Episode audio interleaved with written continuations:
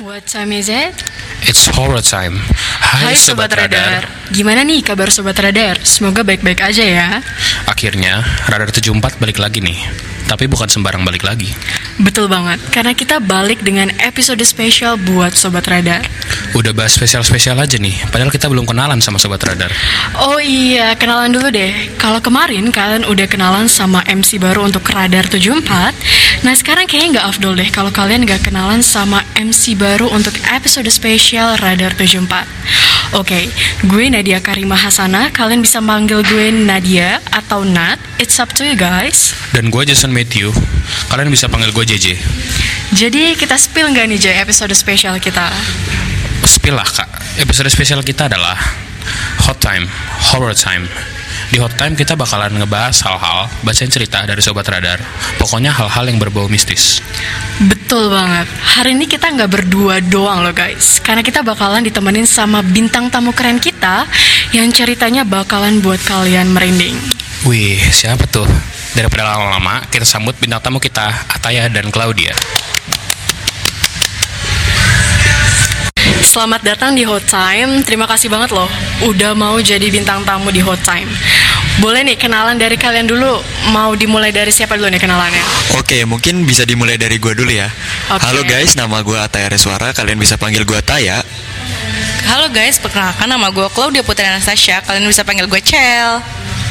Oke, jadi sesuai judul podcast kita pada kali ini pesantren horor ya. E, buat katanya boleh diceritain dulu latar belakangnya kenapa bisa masuk pesantren? Oke, gue bakalan nyeritain latar belakang gue kenapa sih gue bisa masuk pesantren gitu.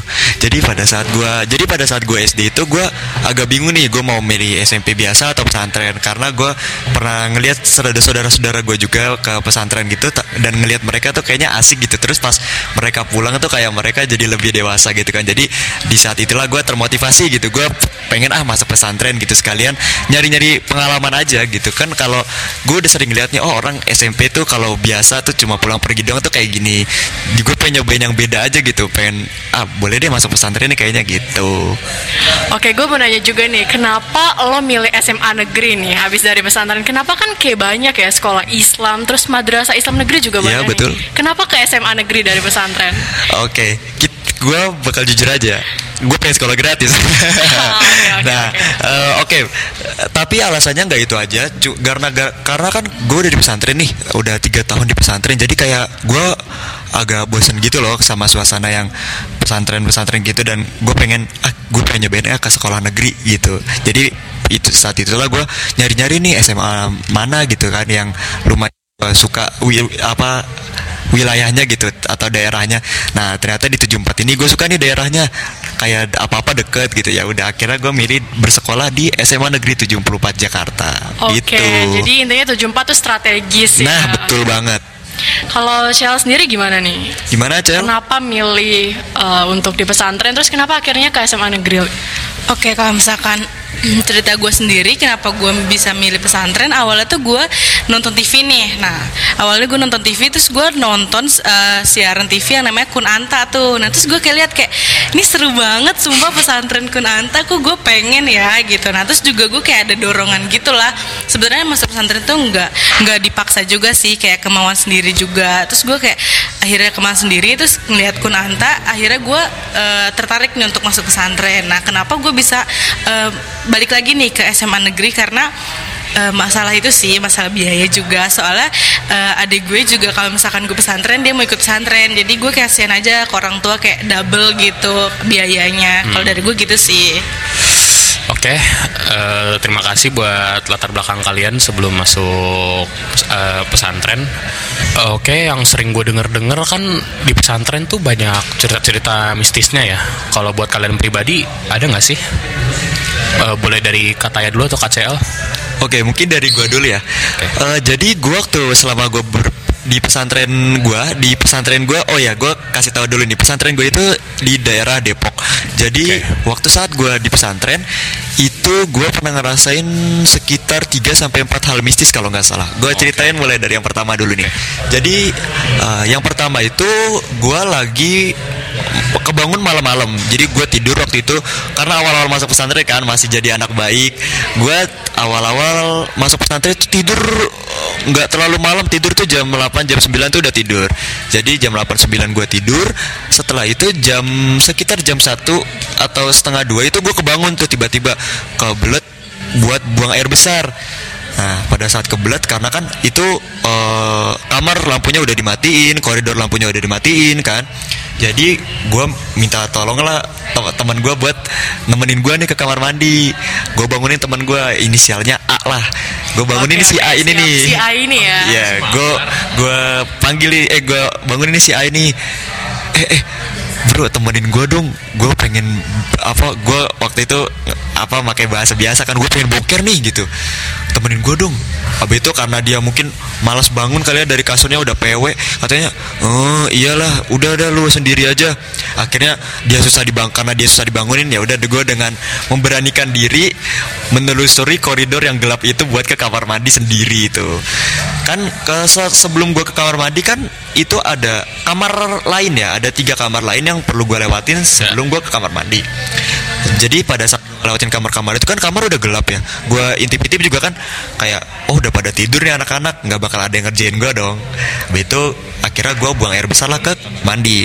Jadi pada saat jadi eh, saat gue di kamar mandi kan gue BAB nah jadi kamar mandinya itu tuh terbuat dari kayak seng gitu loh. Jadi kalau kalian ketok atau digedor dikit tuh bunyinya berisik ngerti gak sih? Nah jadi saat gue BAB itu ada yang gangguin gitu kayak jailin der der der kayak diketok-ketok gitu kamar kamar mandi yang gue tempatin. Terus gue bilang tuh kayak woi siapa tuh? Jail amat malam-malam. Habis itu udah tuh nggak di ini lagi Eh, karena gue mengantisipasi jadi gue lihat terus ke bawah ada bayangan gak nih kan biasanya kalau orang ngetok-ketok tuh di bawahnya suka ada bayangan tuh Nah, pas gue lihat dia ngetok lagi nih. Der der der der. Pas gue lihat, "Woi, itu siapa tuh kayak gitu?" Pas gue teriakin kayak gitu, gue sambil ngeliat bawah tuh, oh nggak ada bayangan sama sekali. Setelah gue selesai. BAB, gue ini kan kayak bersih bersih. Setelah itu gue keluar kamar mandi ngeliat, kan karena itu situasi kamar mandinya kan basah gitu ya. Harusnya kalau ada orang itu uh, ada telapak kakinya gitu loh, Ha. karena kamar mandinya basah. Ha. Wah itu pas gue liat, wah ini kok nggak ada telapak kaki sama sekali nih. Kayak waktu Jaili, ya kan harusnya kalau setelah Jailin mungkin mereka masuk ke kamar lagi.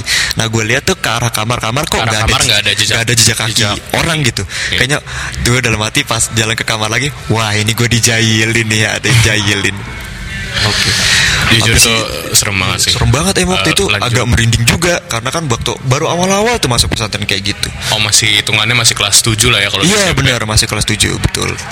Wah gila ya Baru anak baru nih Baru masuk pesantren Terus udah malam ya Dijailin Wah saya Lanjut Tay Ada apa lagi nih Tay Oke, ini cerita kedua lagi nih sama masih di pesantren juga. Jadi waktu itu sama lagi gue kebangun sekitar tengah malam juga gitu. Dan jadi di kamar gue itu kan saat mau ke kori kalau it- di kamar itu kan ada kaca, terus kalian bisa ngelihat ke depannya tuh koridor, Iya. koridor lantai dua karena waktu itu gue di kamar di lantai dua kalian bisa ngelihat ke koridor lantai duanya jadi pada saat gue kebangun kan gue bingung tuh mau ngapain. Jadi kayak pas kebangun tuh kayak mau melek aja gitu. Udah nggak ngantuk lagi. Terus ya ngelihat-lihat sekitar loh anak-anak pada tidur. Ada yang tidur di bawah ada yang apa mepet-mepet tidurnya ke lemari ada yang mukanya condong ke lemari. Lucu-lucu deh pokoknya. Habis itu tiba-tiba ada kayak sosok putih gitu. Semuanya serba putih. Dia pakai baju putih mukanya putih rambutnya juga putih. Tiba-tiba kayak ngelongok gitu dari dari koridor ke kaca ngarah ke kamar gue gue kamar. Iya jadi kayak gue notice itu loh Kok ini putih-putih apa? Karena gue Kan itu ranjang gue dua ya. Gue tidurnya di uh, uh, ranjang yang atas. Iya. Gue langsung lompat dari ranjang Terus gue kejar tuh. Gue ngeliat ke arah koridor Ternyata udah hilang Gak ada apa-apa. Itu pada saat itu gue kayak bingung aja gitu ini siapa? gitu. Nggak mungkin kan uh, apa uh, yang jaga malam gitu yang jaga malam tuh biasanya kakak-kakak kelas dan itu pun mereka uh, nggak pakai baju putih gitu Jadi Mereka biasanya benar-benar uh, putih dari atas sampai ke bawah. iya betul Dan bener-bener lewat putih gitu. se- sekejap sekelebat mata. Ya jadi sekelebat mata gitu Jadi abis dia nongol Tet nampakin diri gue ngeliat Gue turun tuh langsung lompat Ha-ha. Pas gue kejar kayak dia udah hilang aja gitu Wah itu gue dengernya ya udah udah pusing apalagi kalau gue ngalamin ya. Kalau yang lain lagi ada nggak nih kira-kira ceritanya yang lebih lebih tuh lebih lebih parah lagi mungkin udah sampai kontak fisik atau something ada gitu nggak? Kalau mungkin cerita ada, tapi gue nggak ngerasain sendiri. Dan itu sama juga masih di pesantren gue. Jadi waktu itu gue belum masuk pesantren. Itu setahun sebelum gue masuk pesantren tuh. Oke. Jadi katanya itu tuh ada kejadian. Jadi waktu MPLS, waktu penerimaan santri baru gitu. Jadi itu masih di gedung pesantren yang lama. Dan itu pun eh, semua siswa, eh bukan santri perempuan itu kejadian di santri perempuan katanya. Jadi santri perempuan itu sedang menjalankan MPLS. Terus pada selagi penjelasan materi tentang MPLS-nya itu tiba-tiba ada yang kesurupan. Ada yang kesurupan, satu orang terus dikeluarin lah tuh sama kiai atau sama ustadznya. Setelah dikeluarin, ternyata dia pindah lagi ke orang lain. Pindah, pindah terus kayak gitu. Pindah dan ternyata sih katanya itu bukan satu jinnya. Jadi ada beberapa jadi setelah berhasil dikeluarin dia pindah lagi. Ada yang kemasukan lagi dia pindah lagi. Terus pada akhirnya setelah nah, itu tuh kacau tuh MPLS nya katanya sampai malam. Dan akhirnya MPLS-nya sampai malam. Iya, jadi itu mulainya sore. Jadi sampai malam tuh karena ada kejadian seperti itu, jadi lebih lama lagi MPLS-nya. Nah, akhirnya tuh katanya sih kata abang kelasku itu dimasukin ke botol gitu jinnya. Jadi kayak ditutup, disimpan di botol gitu, baru abis itu didoa-doain, baru dibuang. Oke, kalau mungkin eh, cerita-cerita lain lagi ada tapi waktu gue bukan di pesantren, lagi di rumah nenek gue. Boleh, boleh Gimana banget tuh? nih. Mau nggak? Boleh, Ini- ini lumayan serem nih. lah. Jadi waktu itu ibu gue lagi sakit Iya. kan karena gue sama adik gue masih kecil kan. Masih umur berapa? Masih enam tahun sama lima enam atau lima tahun lah gitu. Jadi gue diungsiin dulu tuh ngungsi dulu ke rumah nenek gue di daerah Kalimalang di Jakarta Timur. Selagi digungsiin eh, ke- pas gua mau tidur malam-malam itu jadi eh, kamarnya kakek gua kan gue tidur di kamar kakek gua tuh.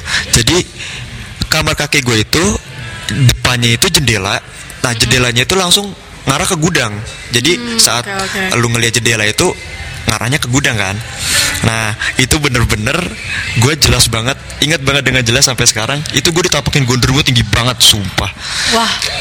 Sumpah. Ja- beneran jadi waktu gue pengen tidur karena masih kecil kan gue apa pengen tidur gue udah baca doa nih. Doa sebelum tidur kan karena waktu itu dia diajarin. Masya Allah. Masya Allah. Setelah itu banget ya masya allah. Setelah itu gue tutup tuh. Gue merem tuh gue tutup mata gue cuma kayak namanya juga masih anak kecil kan kayak masih banyak energinya gitu. Jadi masih kebangun tuh nggak berhasil tidur. Pas melek gue perhatiin ini siapa ngeliatin gue dari kaca itu kok tinggi banget dan full hitam gitu. Jadi kayak bukan hitam orang negro ya bukan. Ini hitam Oke, oke. bener-bener hitam kayak hitam pekat gitu di cat jadi kayak tapi tinggi banget gitu. Bapak gua kan nggak tinggi tinggi banget kan sama kakek nenek gua pun nggak tinggi. Jadi kayak ngerasa aneh aja nih siapa ngeliatin gua kok hitam tinggi banget?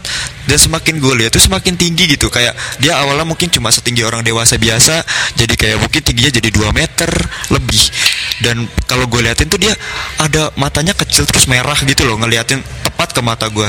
Nah setelah itu gue tutup muka gue pakai bantal terus gue baca baca doa aja tuh yang bener pas gue intip lagi ternyata masih ada lagi gue baca doa lagi terus terusan gue baca doa Ap- doa apa aja deh waktu itu karena masih kecil nggak ngerti kan gue bacain aja doa apa aja Setelah- Jangan sampai doa makan ya baca ini. Masa hantunya saya makan? Gak mungkin dong. Nah setelah udah baca-baca beberapa doa, barulah gua buka, gua buka muka gue dan yang ditutupin bantal tadi pas udah ngelihat hantunya nah itu udah nggak ada tuh gondruannya udah hilang. Oh, gitu sih. masa kecil tuh emang banyak dihantui gitu. Iya bener Iya ini gue baca-baca aja nih ya Gondoruo Asal-usul Gondoruo dipercaya berasal dari arwah orang yang meninggal secara tidak sempurna. Waduh. Bisa akibat penguburan yang tidak sempurna ataupun kecelakaan Sehingga arwah orang tersebut merasa penasaran dan belum mau menerima kematiannya. Jadi overthinking. Aduh, jadi overthinking. Jangan-jangan Katanya, di ru- katanya mau diajak deep talk dulu nggak itu Gondoruonya Siapa wah tahu. malu saya. Malah saya yang merinding nanti. Iya, minta tolong penasaran. Oke. Oke, thank you buat Kak Taya atas cerita-ceritanya. Kayaknya sebelum masuk ke cerita yang lebih serem lagi dari kakak kita yang satu lagi, KCL, kita bacain cerita dari Sobat Radar dulu kali ya. Jadi cerita ini dikirim sama Sobat Radar lewat NGL yang udah di-share nih. Bener banget, terima kasih banyak buat Sobat Radar yang udah kirim cerita-cerita mistis kalian ke kita Kita mulai aja kali ya cerita pertama dari Sobat Radar nih Oke, dari kita berempat siapa yang mau bacain? Hmm, gue boleh kali ya. Eh, Oke oke, nih bentar. Oke, thank you kak, silakan. Oke, gue bakal bacain cerita dari Sobat Radar yang udah dikirim lewat Angel. Oke, jadi dia tuh nyampainya gini. Kejadiannya tuh sekitar jam 5-an. Gue nyampe di sekolah. Pas gue mau masuk ke kelas, ke kelas rame tuh suara. Gue majulah ngeliat dari jendela. Emang ada sulit banyak orang gitu. Tapi pas itu keadaan lampu masih belum nyala. Gue masuk ke kelas, terus nyalain lampu. Ternyata kosong. Sampai sekarang gue masih bingung yang bikin suara itu siapa. Oke, jadi kejadiannya sekitar jam 5an gue nyampe sekolah Jam 5an nyampe sekolah tuh Oh itu apa nggak kepagian tuh? ya? Iya rajin banget. Rajin Dia banget, sebenarnya kepagian kita- sih kata kayaknya datangnya. Terus pas gue masuk ke kelas Pas gue mau masuk ke kelas gue rame tuh suara Jadi pada saat dia masuk kelas tuh kayak rame gitu suaranya kayak udah ada orang banyak orang gitu loh di kelasnya dia maksudnya. Padahal keadaan masih jam 5 gitu. Eh, cukup cukup seram sih cerita Sobat Radar ini karena emang Iya karena kan masih pagi-pagi ya kita mau sekolah gitu mungkin karena dia juga datangnya kepagian tiba-tiba dia ngerasa aneh aja gitu. Gua orang pertama nih yang nyampe di sekolah kok jadi rame suaranya kayak bayangin lo masih ngantuk-ngantuk denger-denger suara rame jam 5 pagi. Iya, Gitu. apalagi di sekolah kan sekolah masih sepi Gila, mungkin gila, gila. para caraka atau yang tukang bersih bersih lagi pada di bawah dia udah di atas duluan sendirian gitu apa nggak serem ya? Makanya gue sih lari ke toilet. Toilet, ntar di toilet nemu lagi. iya, tetap nemu lagi malah itu Aduh, aduh. maju kena mundur kena itu Iya. namanya. Ya udahlah ya. Oke. Oke, sekarang dari bintang tamu kedua kita nih, CL. Hai. Boleh nih. Hai juga. Boleh nih diceritain. Ada nggak sih cerita-cerita pengalaman mistis lo selama lo di pesantren? Eh, sebenarnya nggak lumayan eh, nggak banyak banget sih cuman ada ya lumayan. Oke sebelum masuk ke cerita Oke. daripada kalian penasaran mungkin gue bakal ceritain latar belakang sedikit ya tentang pesantren gue ini. Jadi pesantren gue ini pesantren yang dibilang cukup modern sih emang udah modern terpadu juga terletak di eh, salah satu wilayah di Tasikmalaya kota. Itu di bagian Jawa Barat deh guys pokoknya. Oke kita masuk ke cerita ya. Jadi Oke. Nah, jadi waktu itu pas malam-malam gue pernah nih eh, udah semuanya udah beres nih. Kayak tinggal tidur aja gue udah biasa lah ya anak pesantren kalau misalkan mau tidur pasti wudhu segala macam Iya, gitu Masya kayak baca Allah. ya, baca-baca gitu dah. Nah terus udah gitu gue tidur nih udah gue udah merem. Terus gue kayak kok badan gue berat lah. Intinya kayak eh, lu tahu nggak sih kayak ketindihan ketibanan makhluk? Ya entahlah tika- entah Oh, ketibanan atau emang gue lagi posisi capek. Cuman di situ tuh posisinya gue tidur tapi gue tuh setengah sadar. Nah setengah sadarnya itu kayak di sekeliling gue tuh kayak ada poci atau apa ya pocong gitu ya. Kayak lagi loncat-loncat itu banyak kayak ngiterin gue gitu ngiterin kepala gue tapi dia kayak kecil-kecil gitu loh kayak ayak angan-angan gitu. Nah tapi dia ngiterin eh, seluruh bagian kepala gue terus kayak gue tuh kayak nggak sadar eh sadar tapi nggak bisa gerak gitu loh kayak yang susah napas susah Iya. gerak pokoknya segala macam gue minta pertolongan pun nggak bisa Posisi Kar- tidurnya waktu itu telentang atau posisi tidurnya itu eh, menghadap ke kanan ke sebelah Jadi kanan ketindihannya di bagian tubuh yang Iya, di bagian kanan? tubuh sebelah kiri dong berarti. Kan madepnya ke kanan, Oh, oke, terus oke. sebelah kiri. Nah, terus gue tuh kayak gue minta, pengen minta tolong, kayak tapi susah kan. Tapi di situ juga gue denger suara Mbak Kunti. Suara Mbak Kunti itu lagi kayak ketawa gitu loh, ketawa kayak eh, gimana lah suara Mbak Mbak Kunti ketawa gitu ya. Nah, ya seperti itu ya. Nah, terus gue tuh takut takut banget posisi di situ kayak emang emang udah gelap ya udah dimatiin gitu lampunya semuanya udah dimatiin Iya. kayak tinggal tidur aja nah terus kebetulan gue bisa tuh gue ngelawan kayak gue baca baca aja dalam hati gue ngelawan set. Itu kayak lu uh, capek banget rasanya kalau ketindihan Hmm. tuh kayak yang ngos-ngosan kayak yang abis dikejar kejar-kejar sesuatu gitu kayak pokoknya lemes ya, Eh, langsung badan. lemes badan terus kayak napas ngos-ngosan nah terus pas gue eh, udah lumayan sadar dari ketindihan gue gue eh, apa ya gue tuh menghadap ke atas kanan atas gitu jadi posisi tidurnya itu kan ada yang di bawah sama yang di sebelah kanan atas gitu kan jadi kayak memanjang gitu tidurnya Oke. Nah terus udah gitu gue lihat ada eh, sosok putih gitu, sosok putih rambut panjang tapi mukanya itu mukanya tuh nggak ada muka jadi kayak apa ya polos gitu mukanya, Nah, rata-rata.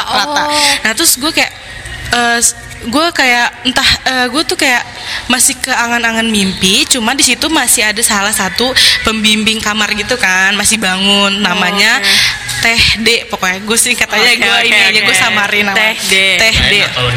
Nah, gue bilang teh deh teh deh tolong takut. gue bilang kayak gitu kan, kayak takut takut. Nah, terus teh deh bilang ada apa, CL gitu kan.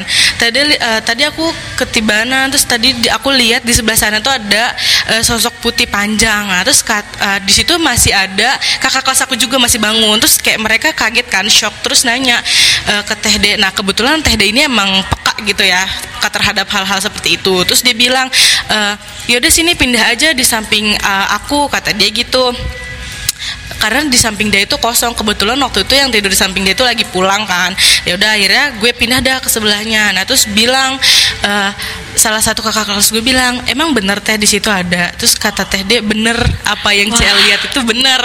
Terus gue langsung shock dong kayak Anjir, ini kayak pertama bukan pertama kali juga sih, cuman kayak masih shock aja karena emang jarang-jarang lihat kayak kayak gitu Iya sebelumnya. sih. Kalau gue di keadaan lo gue juga jadi Iya. shock sih gila. Karena itu mau tidur ya, bayangin aja posisi mau tidur, mau masuk ke alam mimpi tapi ngelihat sesuatu yang gak harus dilihat gitu. Jadi masih shock aja gitu intinya. Oke, jadi ini ketindihan pertama lo atau gimana nih?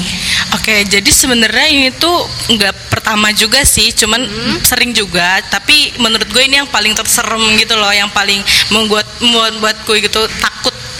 Oke, jadi setelah cerita serem, cerita ketindihan terserem lo ini lo pernah ngalamin cerita-cerita pengalaman-pengalaman terserem lagi nggak yang ketindihan juga? Em, pernah sih waktu itu gue pernah ngalamin ketindihan juga. Nah itu posisinya gue lagi di kelas nih. Jadi salah juga sih sebenarnya ya. Kayak eh, waktu itu emang tapi nggak ada guru sih di kelas gue. Jadi gue tidur kayak nyusun kursi gitu tidurnya. Terus gue tidur telentang madep ke atas. Nah gue tidur, gue tidur nih. Terus kayak gue merem. Terus gue ya ketibanan gitu ya kayak setengah sadar Oke, gitu. Ha. Nah terus pas gue agak melek gitu buka mata dikit, pas eh, buka mata dikit itu kayak eh, ada sosok put eh sosok hitam, sosok hitam melayang oke. gitu di atas gue. Jadi kayak dia mau meluk gue gitu, entah mau meluk, entah mau apa ya, entah mau deketin gue gitu. Nah itu emang emang gak bisa gerak banget kayak susah banget sih napas kayak gerak juga susah gitu. Oke, ini kelas pas lo di pesantren atau di SMA 74 nih? Pas gue di pesantren, nah kebetulan Oke. pas gue keluar dari pesantren udah jarang sih sebenarnya ketindihan. di 74 Di 74 nggak pernah. gak pernah tiduran di kelas. Pernah sih pernah ketiduran, cuman nggak pernah ketindihan aja gitu. Oke.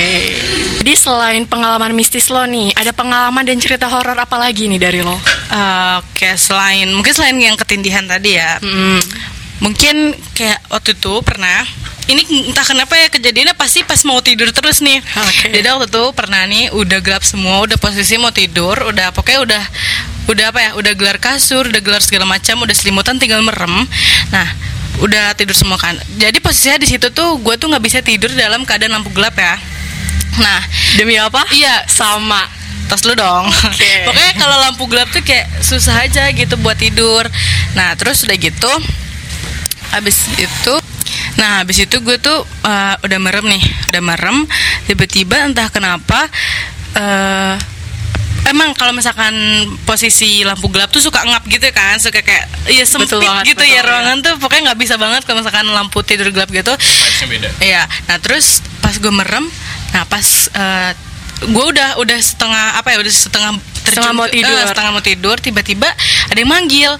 Nah jadi gue eh, waktu kan punya nama panggilan Tasya ya. Nah Oke. jadi ada yang manggil gini, tiba-tiba kayak ada yang bisikin samping gue kayak Tasya gitu. Gue langsung langsung bangun kayak kaget Apa gitu. nih sebelah apa nih kanan atau kiri nih? kanan Kanan, Jadi oke. kayak dia merangkap dari belakang terus tiba-tiba masuk ke telinga gitu Tasya gitu sekilas kayak terus gue langsung kayak ka- kaget gitu loh posisinya kayak eh, shock gitu kan terus gue pas eh, celingak-celinguk gitu bangun kayak nggak ada orang padahal terus kayak semuanya udah pada tidur gitu sih pengalamannya Nggak jadi tidur ya gara-gara. Iya nggak jadi tidur gara-gara lampu mati plus dipanggil itu jadi ya udah di situ cuman bisa diem aja itu meratapi. itu pas bisikan itu nggak ada wujudnya tuh cuman Tasya Iya gitu doang. nggak ada wujudnya jadi dalam mimpi gue pun atau tah udah mimpi atau belum jadi dalam pikiran gue juga itu tuh nggak ada orang cuman cuma kayak manggil Tasya gitu doang aja Oke. Eh, gue pengen cerita lagi boleh nggak nih? Oke, boleh dong. menarik nih kayaknya nih Hmm. Oke, jadi gue punya cerita waktu dulu gue masih kecil, masih kelas 3 SD.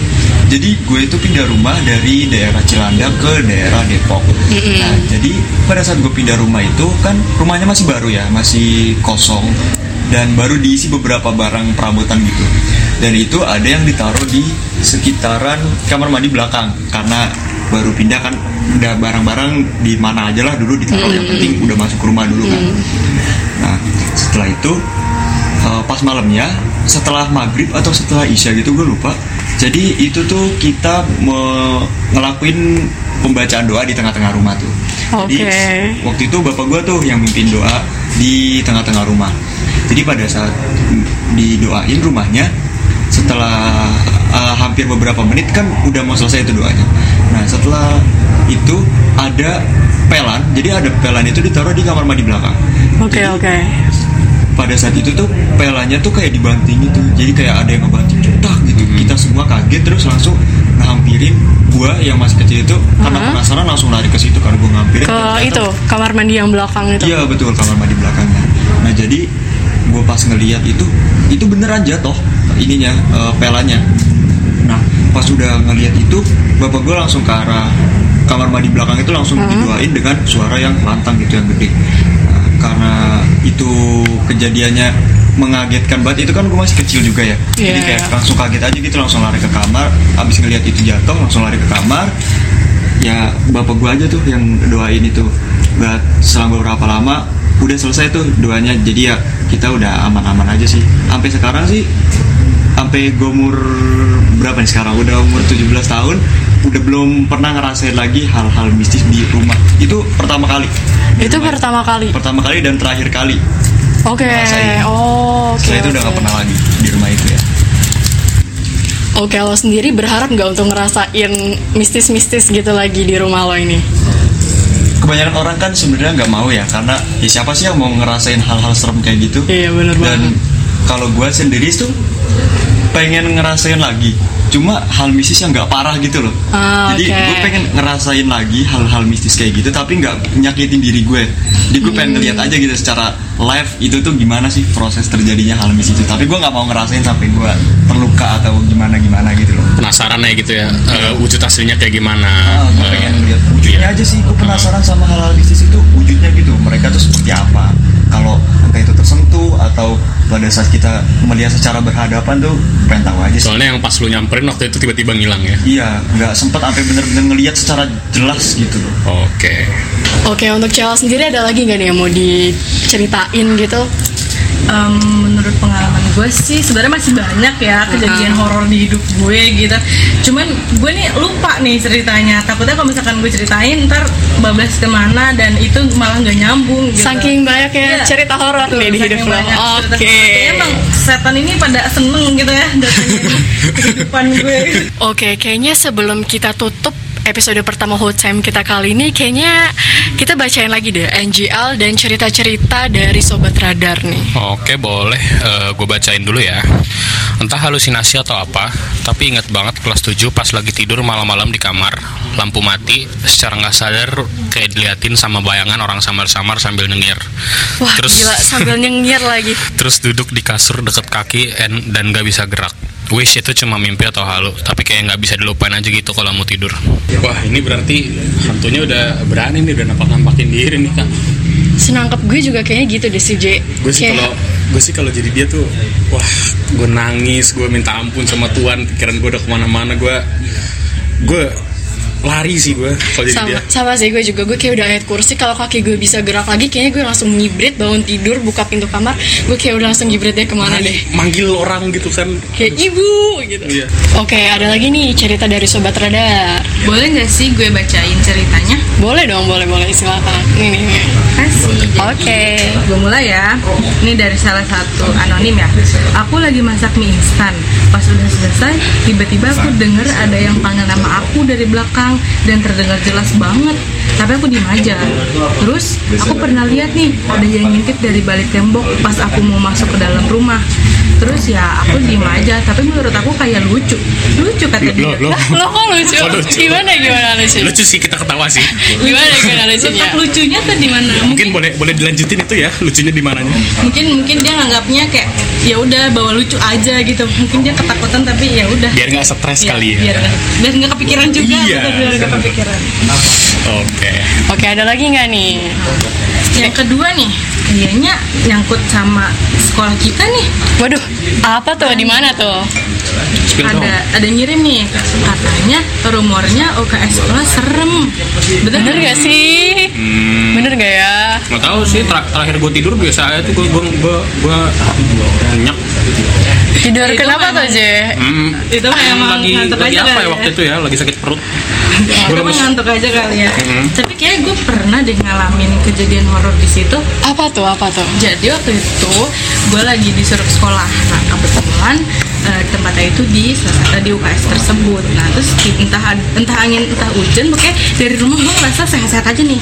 Tapi pas gue nyampe di UKS nggak lama, waktu itu kan gue berdua doang ya sama guru apa bertiga gitu sama murid satu lagi.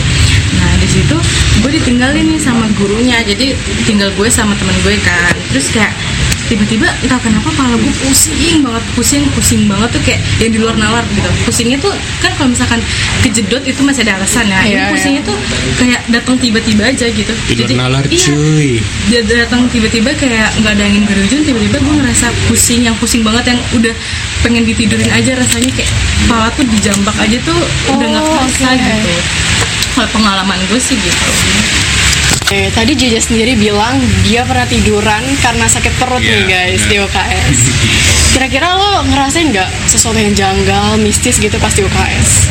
gue pribadi sih enggak ya pas tiduran ya ya udah tidur aja karena emang otak udah udah udah mikirnya udah sakit perut udah pusing gitu gimana gimana karena gue tuh eh, buat hal-hal kayak gini gue tuh nggak nganggap semua tempat itu serem kayak misalnya gue datang ke satu tempat gue nggak langsung ngerasain hawa-hawanya gitu jadi gue kayak bawa positif aja gitu itu sih gue juga dapat bukan dapat ilmu sih lebih ke dapat apa ya diceritain gitu Iya. kalau misalkan hal-hal serem menakutkan itu sebenarnya dari sugesti kita sendiri Iya. jadi Iya, betul, betul. Gua pikiran- ya, itu jadi pikiran dari pikiran kita sendiri kalau misalkan kita pikirannya kayak yang Pikirannya positif, udah- positif udah- aja atau iya. enggak ya ya udah lurus aja gitu ya udah bakal nggak terjadi soalnya biasanya makhluk kayak gitu tuh kalau misalkan kita takut dia makin menunjukkan diri gitu Iya, bener.